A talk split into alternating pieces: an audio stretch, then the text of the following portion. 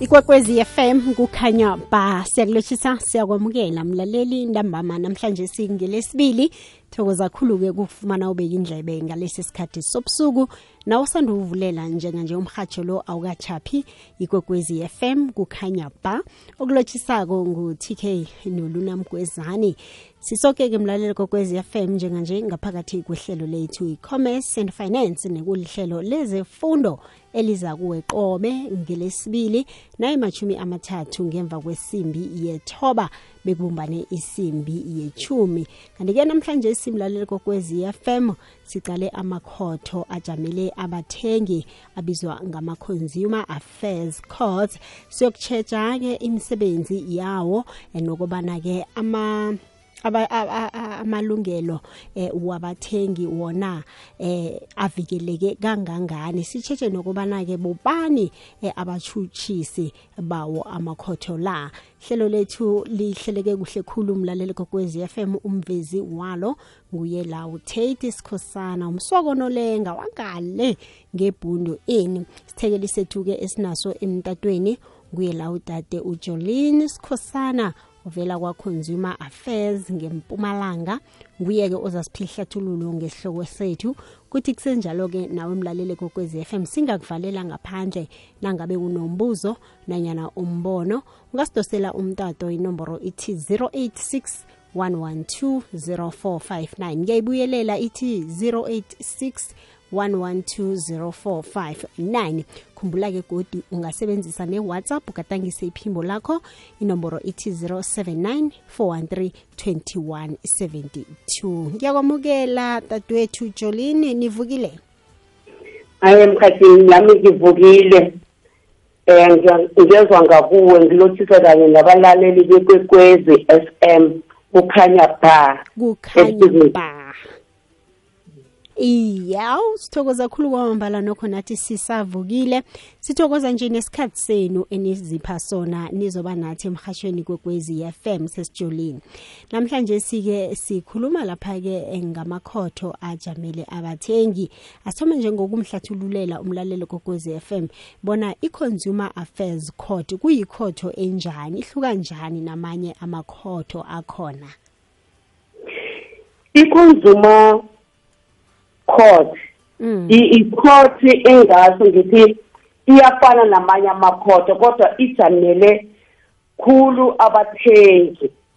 Ayikho abanye abantu mhlawumbe keminye imikhakha kodwa ijama lapho ukuthi uma mhlawumbe kwenzekile ukuthi wathenga eh kwatholakala ukuthi mhlawumbe awakaphatheki kuhle bese uletha isingongoyilo uma ulethe isingongoyilo bese bayasicala ukuthi isingongoyilo lesi eh singawela ngakuphi ekutheni mhlambe kube ngaku-investigator kuphela na noma singadlulela ngaku-court na?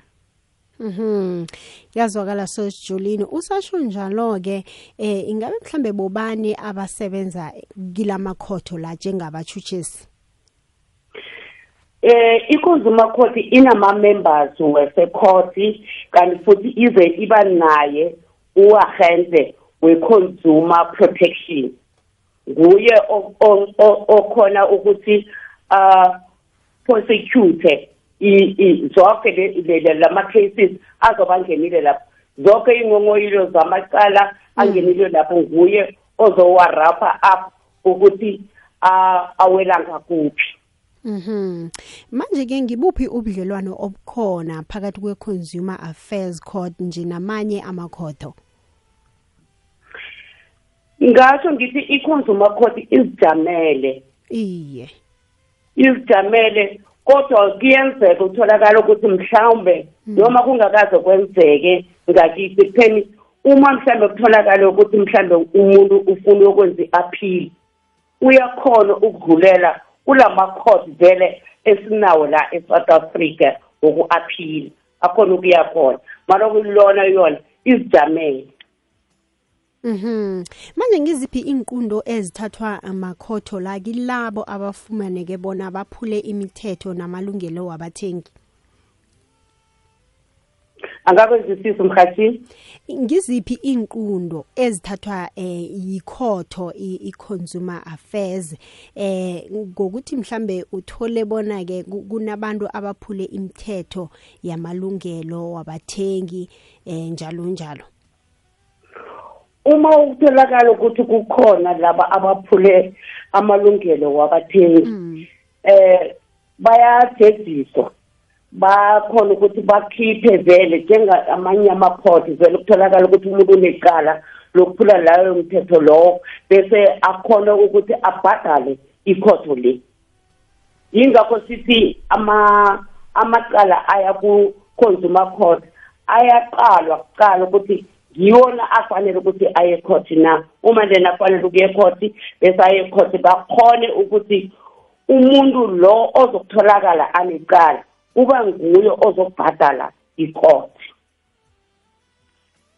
ahake iyazwakala nje nje imizuzu imachumi amabili nemithathu ngaphambana kwethe simbi yechumi usalalele ihlelo commerce and finance mlalele kokwezi FM sikhuluma nge-consumer affairs courts sihlathulelwa nguye la udadewethu ujolin skhosana uvela khona kwa-consumer affairs nakwemlalele kwekwezi FM unethuba lokuthi usidosele umtato nange unombuzo nanyana-ke umbono othize eh mayelana nesihloko lesi esisiphetheko. Esesijolini ngiwaphi-ke ama-stage akhona ngaphakathi kwe-consumer affairs court? Ama-state iye. Ingaba nje ezikhona ukuthi ke lokho nawufake mhlambe isingongoyilo sakho singena kulesi stage sidlulele la sidlulele la bekufike la mhlambe ke eh loyo muntu ophule umthetho achushiswa khona? Okay.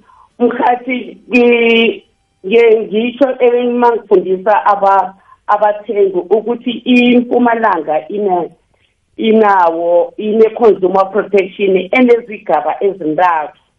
Lapho umthengi afundiswa khona lapho umthengi angongoyila khona bese kuyaqalwa icala lakhe ukuthi icala lelo mhlawumbe isingongoyilo sakhe bese ukuthi siwela ngakuphi ngaphambi kokuthi siye ngasecourt ezinye azinasecourt lapho uthola ziphelela ngapha ngakwa-investigator.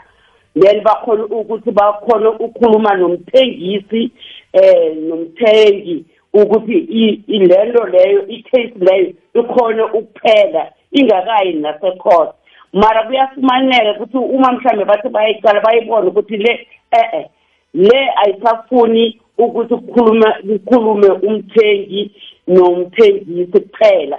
Sekufunakala ikhotho phakathi bese bayayithatha le bayisa ngasecourt Mhm. Sesijolini kulapho ke kutholakala khona ukuthi kubani kahlehle umuntu onguyo ophulileko umthetho lo we-consumer protection. Bese akhonakale ke ukuthi adezise iyazwakala. Lapha sine sinomthetho obekweko lo we-act number 68 we-consumer affairs oprotecta abathengi ukuba banga bangaqalelwa phasi noma abathengisi bangecisi amehlo kubathengi. Mhm. Sesijolini ngiyakuzwa-ke lapho njenganje ngizokuba ukuthi ke siyokuthengisa emva kwalokho ke sicaleke ukuthi-ke ingongoyilo ezivamisile ukuba khona mhlambe-ke zibiwe yilawo makhotho lawo. Ngengiziphi? Asikinyamathe ngapha sesizokubuya ikwekwezi fm ne-sabc education bakulethela ihlelo okungakafaneli likuphunde nakancani emvekeni ezilithumi nambili zonke siyadlala siyafunda. Ihlelweli lizokutshetsha khulu ukuqakatheka kokudlala phakathi kwabantwana nababelethi. Siqale khulu abantwana kusukela ekubelethweni kwabo kufikela eminyakeni elithumi nambili vumela abantwana badlale khona bazokuphumelela emfundweni zabo kuvuseleleke kodwa kuqine ubudlelwano phakathi komntwana nombelethi. Khumbula ukudlala nomntwana kuqakathekile. Ngelwazi elinabileko lalela ikwekwezi fm qobe ngelesithathu nayimathumi amathathu ngemva kweyethoba ekuseni. Sabc education enriching minds enriching lives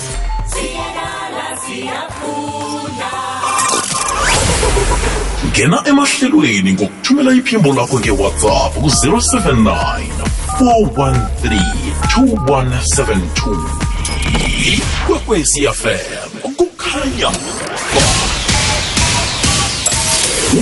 Amahlelo emoyeni 086 1120 459 ikwekwecfm kukhanya.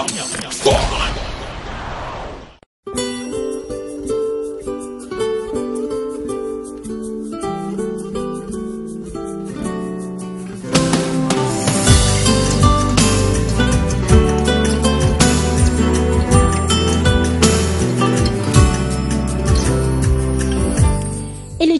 ilithumi mzuzu ngaphambi bona kubethe isimbi yechumi. Usalalela umhasho ikwekwezi fm kukhanya ba hlezi nami uthokozani indulu namgwezani. Ngaphakathi kwehlelo i-commerce and finance ngikhambisana nodadewethu la ujolin sikhosana. Sikhuluma lapha-ke eh, nge-consumer affairs court. Uye-ke osipha ihlathululo ngesihloko sethu sanamhlanje si sesijolini ngithokoza kakhulu ukungibambela dadewethu. Akhe sicaleke bona ngiwaphi kanengike amaqala atshutshiswako kila makhotho la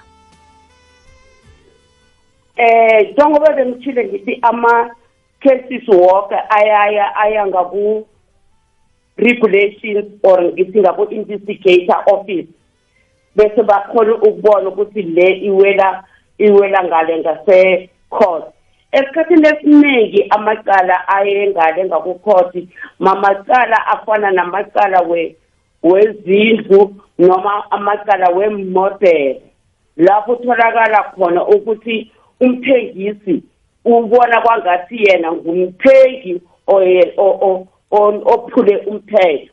Bese anqonqoyile yena naye ngokwakhe athi angekhe mina ngilalele into yeni bese siyithathe-ke siyise-court lapho uthola ukuthi esikhathini esiningi uthola ukuthi naye umthengisi uza ne- ne- ne- negqwetha lakhe. Lokuthi lizomjamela bese khona lapha ecourt so amacala anjalo avamisile ukuza ngale ngakithi ngale Mhm. Sesijolini njenganje ngibawo silalele umlaleli kokwezi FM ngapha ngaku-WhatsApp bona uthini. Mindlela milo locha TK kwathema ukhuluma nomsonga naswek sabukoloda bathungu eh TK ngike ngaba i-victim. Kahle kahle cishe ngaba i-victim ye-scam. Umuntu owenza ngathi uthengisa into kanti udlelezela abantu. So ngalemuka msinyana ukuthi no lo muntu lo umdlelezeli. So if ngimaphoyiseni maphoyisa angijikajikisa concerning ukuthi angazange ngaskemiwa mina cishe ngaskemiwa. So angeke bangiphi icase lapho. So just ukuthi si-avoid ukuthi lo muntu angahambi adlelezela abanye abantu abangalemuki umuntu yakhona ukuthi ayivule icase e-consumer e-consumer court for umuntu ocishe wamdlelezela ukuthi eh kube ne-awareness yokuthi angasadlelezeli abanye abantu futhi siyathokoza okay. Ahake siyathokoza. Sesijolini hayi ya u- ukhulumisa indaba yama-scam uthi ukhona umuntu okhe wa-scam abantu kodwa naye nakhe ngathindeke ufuna ukwazi ukuthi-ke mhlambe eh amakhotho la ajamele abathengi angasiza njani endweni ezifana nalezo?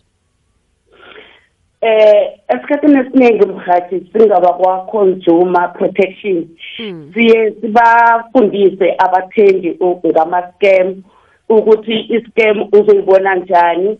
Eh and then angaphendula njani ku-scam or mhlawumbe angayiphenduli njani? Yingakho ngithi mina Ike kunjani? angazi ukuthi ngizokuphuma es- esihlokweni sakho na mara ngimhloke igama ngifuna ukubuza la nga-aplayela ikari. Mhm. wasazi ukuthi sikuphi i-scam leso uyakhona uku- ukuthi uripote Mm. Eh bese bakwazi uku- uku- ukusiblocker leso Yeah. scam leso. Yazwa. mara uma ungazi ukuthi sikuphi asi nasasikhoni ngoba inkelo eziningi azibi ne-standpoint. Umuntu wenza ne-account uyenza namhlanje kusasa uyivalile. Mm eh kunjalo. Iyazwakala sesijolini khe sizwe omunye godi ngapha. TK kunjani? Angazi ukuthi ngizokuphuma esihlokweni sakho na? Mara ngingihloke igama ngifuna ukubuza la nga-aplayela ikari i-finance ebhank ukuthi ngifuna ukuthenga ikari. After lapho ibhank yathi angiqualify then jikijiki ngafonela i-dealership. Yathi no ibhanka ithi ngiyaqualify so bengingazi ukuthi ngiqualify njani kodwa bangitshela ukuthi angiqualify so lapha zange kuphula amalungelo amna. So mina ngathatha ikari after ukuthatha ikari bafika bathi no ikari leyo sebayayifuna and then sengikolota ibhanki. And then ngikwazi kwami ukuthi kufanele usayine mos icontract nebhanka and then bese uyakhamba-ke eh uya lapho uyocala ikari leyo and then bese-ke ibhanki yenza i-transaction idlulisa imali eyiswa ku-dealership. Khe kangithathule lapho because ngathi kuphula ilungelo lami la. Ngiyathokoza ngithoka igama. Ahake hloki siyathokoza. Esesijolini? Khathi ngiyamuzwa ngiyawuzwa lo mbuzo lo um nokuqakatheke kakhulu. Mm. kuvamisile vele uma uthi ufuna mhlambe ikoloyi kudila bese bathi ba- bhala phasi i- iy'nkoloto zakho nakho konke bese uyachiya uyakhamba. Bese bathi bazokuvaluata le nto leyo. Mm. U- uma bangathatha le le leyo nto leyo bayise ebhenki ibhenki yatsho ukuthi uyaqualifya noma awuqualify uma bathe u- uyaqualify kumele babhale vele kukontraka ukuthi uma uyithatha ikoloyi uyobhadala malini ngenyanga until kuze ku- uyiphelele imali yakhona. Seyihlangene vele niyedila awuyobhadala idila uyobhadala i- ibhenke and eh, uma kutholakala ukuthi mhlawumbe sebayagijimisa bathi eh wena ikoloyi leyo awusayiqualify and mara ukuthi bakunikezile or bathi ukoloda ibhenki kumele ufune ukwazi ukuthi lokufuze ukuthi uyibhadale emalini ibhenke leyo. And eh, wangabhadali yona. Uma utholakala ukuthi mhlambe ubona beba- bebakutshele imali encane kanti ibhenki yona ifuna imali eningi. Uyakhona mkhathi ukuthi ukhulumisane nayo ibhenki uma ingazange ikutshele ngaphambili kokuthi uthathe ikoloyi ubhalela i-ambasment ukuze bakhone ukurivesa into leya ibuyele endleleni yokuthi wena ungakhona malini. Abakwazi ukuthi bangasathathi ikoloyi wena selokuyithethe ngoba uma bayithathe ikoloyi sowuyithethe boyoyirepossessa ngokube seyi-use car and kuzoba nemali enye wena ozoyibhadala wena ozoyi- ozoyifofeyita yazwakala siyokuthengisa-ke godu sesijolini emva kwalokho siragela phambili. Ngithokoza ahake. Amaphilo amnandi wabasebenzi kuyinto ehonakalako ngokuthugulula indlela yokuziphatha ukuze babe nempilo ehle nemnandi ekhaya nemsebenzini. Hashtag aphila kuhle. Ilithumi imzuzu eseleko ngaphambi nakubethe isimbi yechumi ngesimbi yechumi siyalisonga-ke ihlelo commerce and finance. Umindlo lavo uzabe sekaragela phambili nehlelo sizigedlile bekubethe isimbi yechumi nambili. Njenganje imlaleli sesinawe la sicale khona-ke amakhotho ajamele abathengi. Sidosela umtato nangenombuzo ku-086 1120459 nanyana ugadangise iphimbo lakho kuwhatsapp inomboro ithi 079 413 2172 siragela phambili-ke sesijolini khe silinge mhlambe-ke ukusiza umlaleli ukuthi lo khanyanana kwenzeka ukuthi njengomthengi eh uthole umraro othize lokha-ke nakathenga okuthize. Usifaka njani kuhle kuhle i- i- isingongoyilo sakhe? Usidlulisela njani lapha-ke kwa-consumer affairs? Kuhlogeka ini nani nani nakaza kwazi ukuthi-ke isingongoyilo sakhe sitshejwe mkhathi uma umhlawumbe utholakala ukuthi umthengi akazisisi kuhle ukuthi mhlawumbe i- ikulungelo lakhe liphukile noma lakaphuki uyakhona ukuze ema-ofisini wethu wakwa-consumer protection ukuze ukuthi ngabe vela aphukile na amalungelo wakho na and besikhone nokukuhelebha ukuthi sikhona uku- ukuwalungisa ukuthi angaphulwa ngale ndlela leyo eh wena ubocabanga ngayo ukuthi aphuliwe. Ngoba vele thina sijamele khona ekutheni amalungelo womthengi angaphulwa.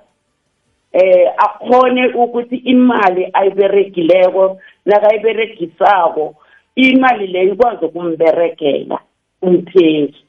Ingatholakali ukuthi uyifake ngemanzini ikhambile. Yonke into ongayizwisisiko uyakhona ukuza ema-ofisini wethu then bese sikhona ukuyicala ukuthi vele ngabe udlelezelwe na? Kanti uma ubona vele ukuthi wena udlelezelwe and ufuna ungongoyile uyakhona ukuthi ugqwalise ubhale isingongoyilo sakho njengoba sinjalo and bese uthumelele i- ikontraga noma urasidi lowo wena ongongoyela ngaye eh noma ungeza maphupha uze uzo lezo zinto lezo uzozenza mhlambe sikhona sikutshela ukuthi okay yenza nje bese wenza nje. Ngoba sinalo futhi neform elinye kumele uligcwalise ngaphambili kokuba singachubekela phambili ngo- nge- ngesingongoyilo sakho esibhale ukuthi i-atheni. Mm. so i-atheni le ukuthi siba nalo ilungelo lokuthi siyibambe i- isingongoyilo sakho. Sakho ungasiphikisi ukuthi wena azange u- u- uripote into leyo njengesingongoyilo yazwakala 086120459079 4132172 eh sesijolini ngingathanda ke mhlambe ke ukuthi eh ukusinikele imbonelo imizekeliso yamaqala akhe achuchiswa kilamakhotho ngaphambilini. Njengoba mhadiphe ngaso phambilini ukuthi amacala lawa akhathuthiswa ngapha ngakithi kube ngi- am- asiwabonileko kube ngwenkoloyi inkolo Eh, inazenzani ngoba sesijolini ngodini kwezindlu. Wa inkoloyi m- makwenzakalani mhlambe nakwenzakaleni so ngekoloyi? Mhlambe umunye ngenzeka ukuthi unomraro o- o- ofana nawo loyo a- akakatshetshi ukuthi ke eh, umraro ofana nalo angawudlulisela e- ekhotho yabathengi. Njengoba njengomlaleli lo okhulume ukuthi yena wa- wathenga ikoloyi kwa- kwakhuluma kwathiwa akasi aka- akasifisi ukuthi angayithola ikoloyi leyo kodwa kwabuya kwathiwa ufiti and then wathi meselayithetheko bamgijimisa ukuthi bayayifuna ikoloyi leyo. Eyi. Isingongoyile esinjalo ngabe ukuthi yena weza ku-consumer protection babheke ukuthi kwenzekeni. Ngaphambili ukuthi mhlambe singasiwa ku-ambasement ukuthi ngabe vele siya ku-ambasement nangoba or mhlambe siya ngapha ngecourt na? Uma kutholakala ukuthi yidila idila ivamise ukuthi iye ecourt. Mara uma sokuyi-bank siyisa e- e- e- ku-ambasement ngokuba ikhona i-ambasement ye- yamabhenki. Yazwakala ikwekwezi FM kukhanya ba ehlelweni commerce and finance Uhlaz- usahlezi nami uthokozane nduli khambisana no Ses Jolini sirakela phambili nokuzwa imibuzo ethunyelwe ku WhatsApp Eh locha TK nangusontokozo ngapha ngiba ukubuza mina nengingathenga ikoloyi ngithenga ikoloyi egarage mara ayisitsha. Engiceda ukuyithenga ne-test driver zwakale i-right ngiyasuka ngiyakhamba. Bese ngikhamba thola ukuthi ngifika phambili nginikeza i-problem nyana. Then engibusela abo bathi ikoloyi leyo sengiluka njile nginalo ilungelo elingangani lokuthi ikoloyi ngiba- ngiyibuyisele ngithi angisayifuni na? Ngoba bangitshela ukuthi bazithatha maybe i-thirty percent or mhlawumbe bathola ukuthi ba- badosa three thousand rand phezu kwemali le ngiyibhadeleko ekoloyini Ngi- ngabe banalo ilungelo lelo or abanalo na ngingabavulela umlando nabenza into enjalo na ngiyathokoza sontokoza ngapha nge- all right. Thokoze sontokoza umbuzo wakho Sis Jolini khathi esikhathini esiningi uma uthenga i-use car kufuze ukuthi i-test drive ukuze uyibone ukuthi i- um- i- i- inenkinga kuphi? Uma inenkinga bona labo kumele bayilungise inkinga leyo. And uma mhlambe ba- bakunikezile ungakayi-test drive and then kwatholakala sewunomlando mhlawumbe endleleni sekunomlandwanyana wayo. Then uyakhona ukuyela back kiwo kumele into leyo bayilungise mhathi ngaphandle kokuthi ba- bakuthathe enye imali. Ngokuba a- awakadluli isikhathi sabo sokuthengisela eh isikhathi mhlambe sengathi mhlambe sokuphele inyanga thize and then bese bazokuthi iphulwe nguwe. Uma nje usuka kiyo yaba nenkinga uyayibuyisela. Manje nasele uthatha isiqundu sokuthi awusayifuni vele nje ufuna imali yakho nasele kunemali abazokuchaja yona lapho ingabe mhlambe ke abaphuli amalungelo wakho? Ngathi ngiyacabanga ukuthi enye nenye im- ikoloyi noyithengako isera mhlambe uyithenga ngedeposit eh or or ukhiphe imali njengoba injalo. Mm. and kumele bakubuyisele imali yakho njengoba injalo. Nokuyideposit kumele bakubuyisele yona njengoba injalo. Uma uthi wena i- i- ikoloyi le ange- ayisingendlela leyo mina bengiyifuna ngako. And kutholakala ukuthi vele icala lingakho kumele ba- ba- bayithathe ikoloyi yabo wena uthathe imali yakho ufune enye ikoloyi leyo ezakwenza lento leyo wena uyifunako. Aha-ke ungaliyelelisa uthini sesiyivala nje eh kumthengi ungathini eh nangawo nje amakhotho la? Ngakhani bayazi kangako na abantu eh khulukhulu bona abathengi ngamakhotho la sesijolini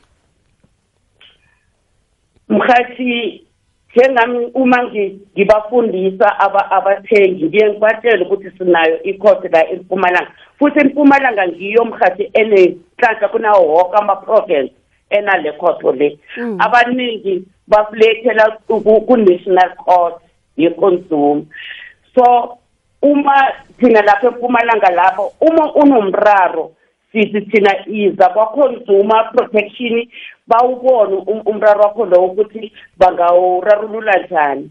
Ukuze uzibone ukuthi eh unga- uya ngecourt na. Ungakhali uyokuthenga amaloya kanti nangu-government uzile masimahla akazokubhadalisa lutho. Mm, ngokuba mm. bayiqala kuqala ukuthi i-case yakho le ngabe idla wena na or idla umuntu umthengisi na? Ngaphambili ukuthi banga baba- banga- bangabiza umthengisi aye ecourt. Ukuze ukuthi wena ungabhadali icourt kodwa umthengisi kube nguye ebhadala icourt. Sesijolini sinithola njani-ke nina njenge-consumer affairs empumalanga? Nisole enomborweni nazi ezithi zero one three six nine two four eight five eight. Noma ungasithola kule ethi zero one three six nine two six three zero zero. And zisimahla ukuthi uma wena ungenawo ama-units aneleko uyakhona ukufona uthiye inomboro yakho bese ama-investigators azokufowunela nakanjani ngakwa-consumer protection ukuzwa isingongoyilo sakho ngoba sikhona lapha ukujamela abathengi. Aha-ke sesijolini sithokoze khulu kwamambala. Ihlathululo yoke osiphe yona ube nobusuku obuhle.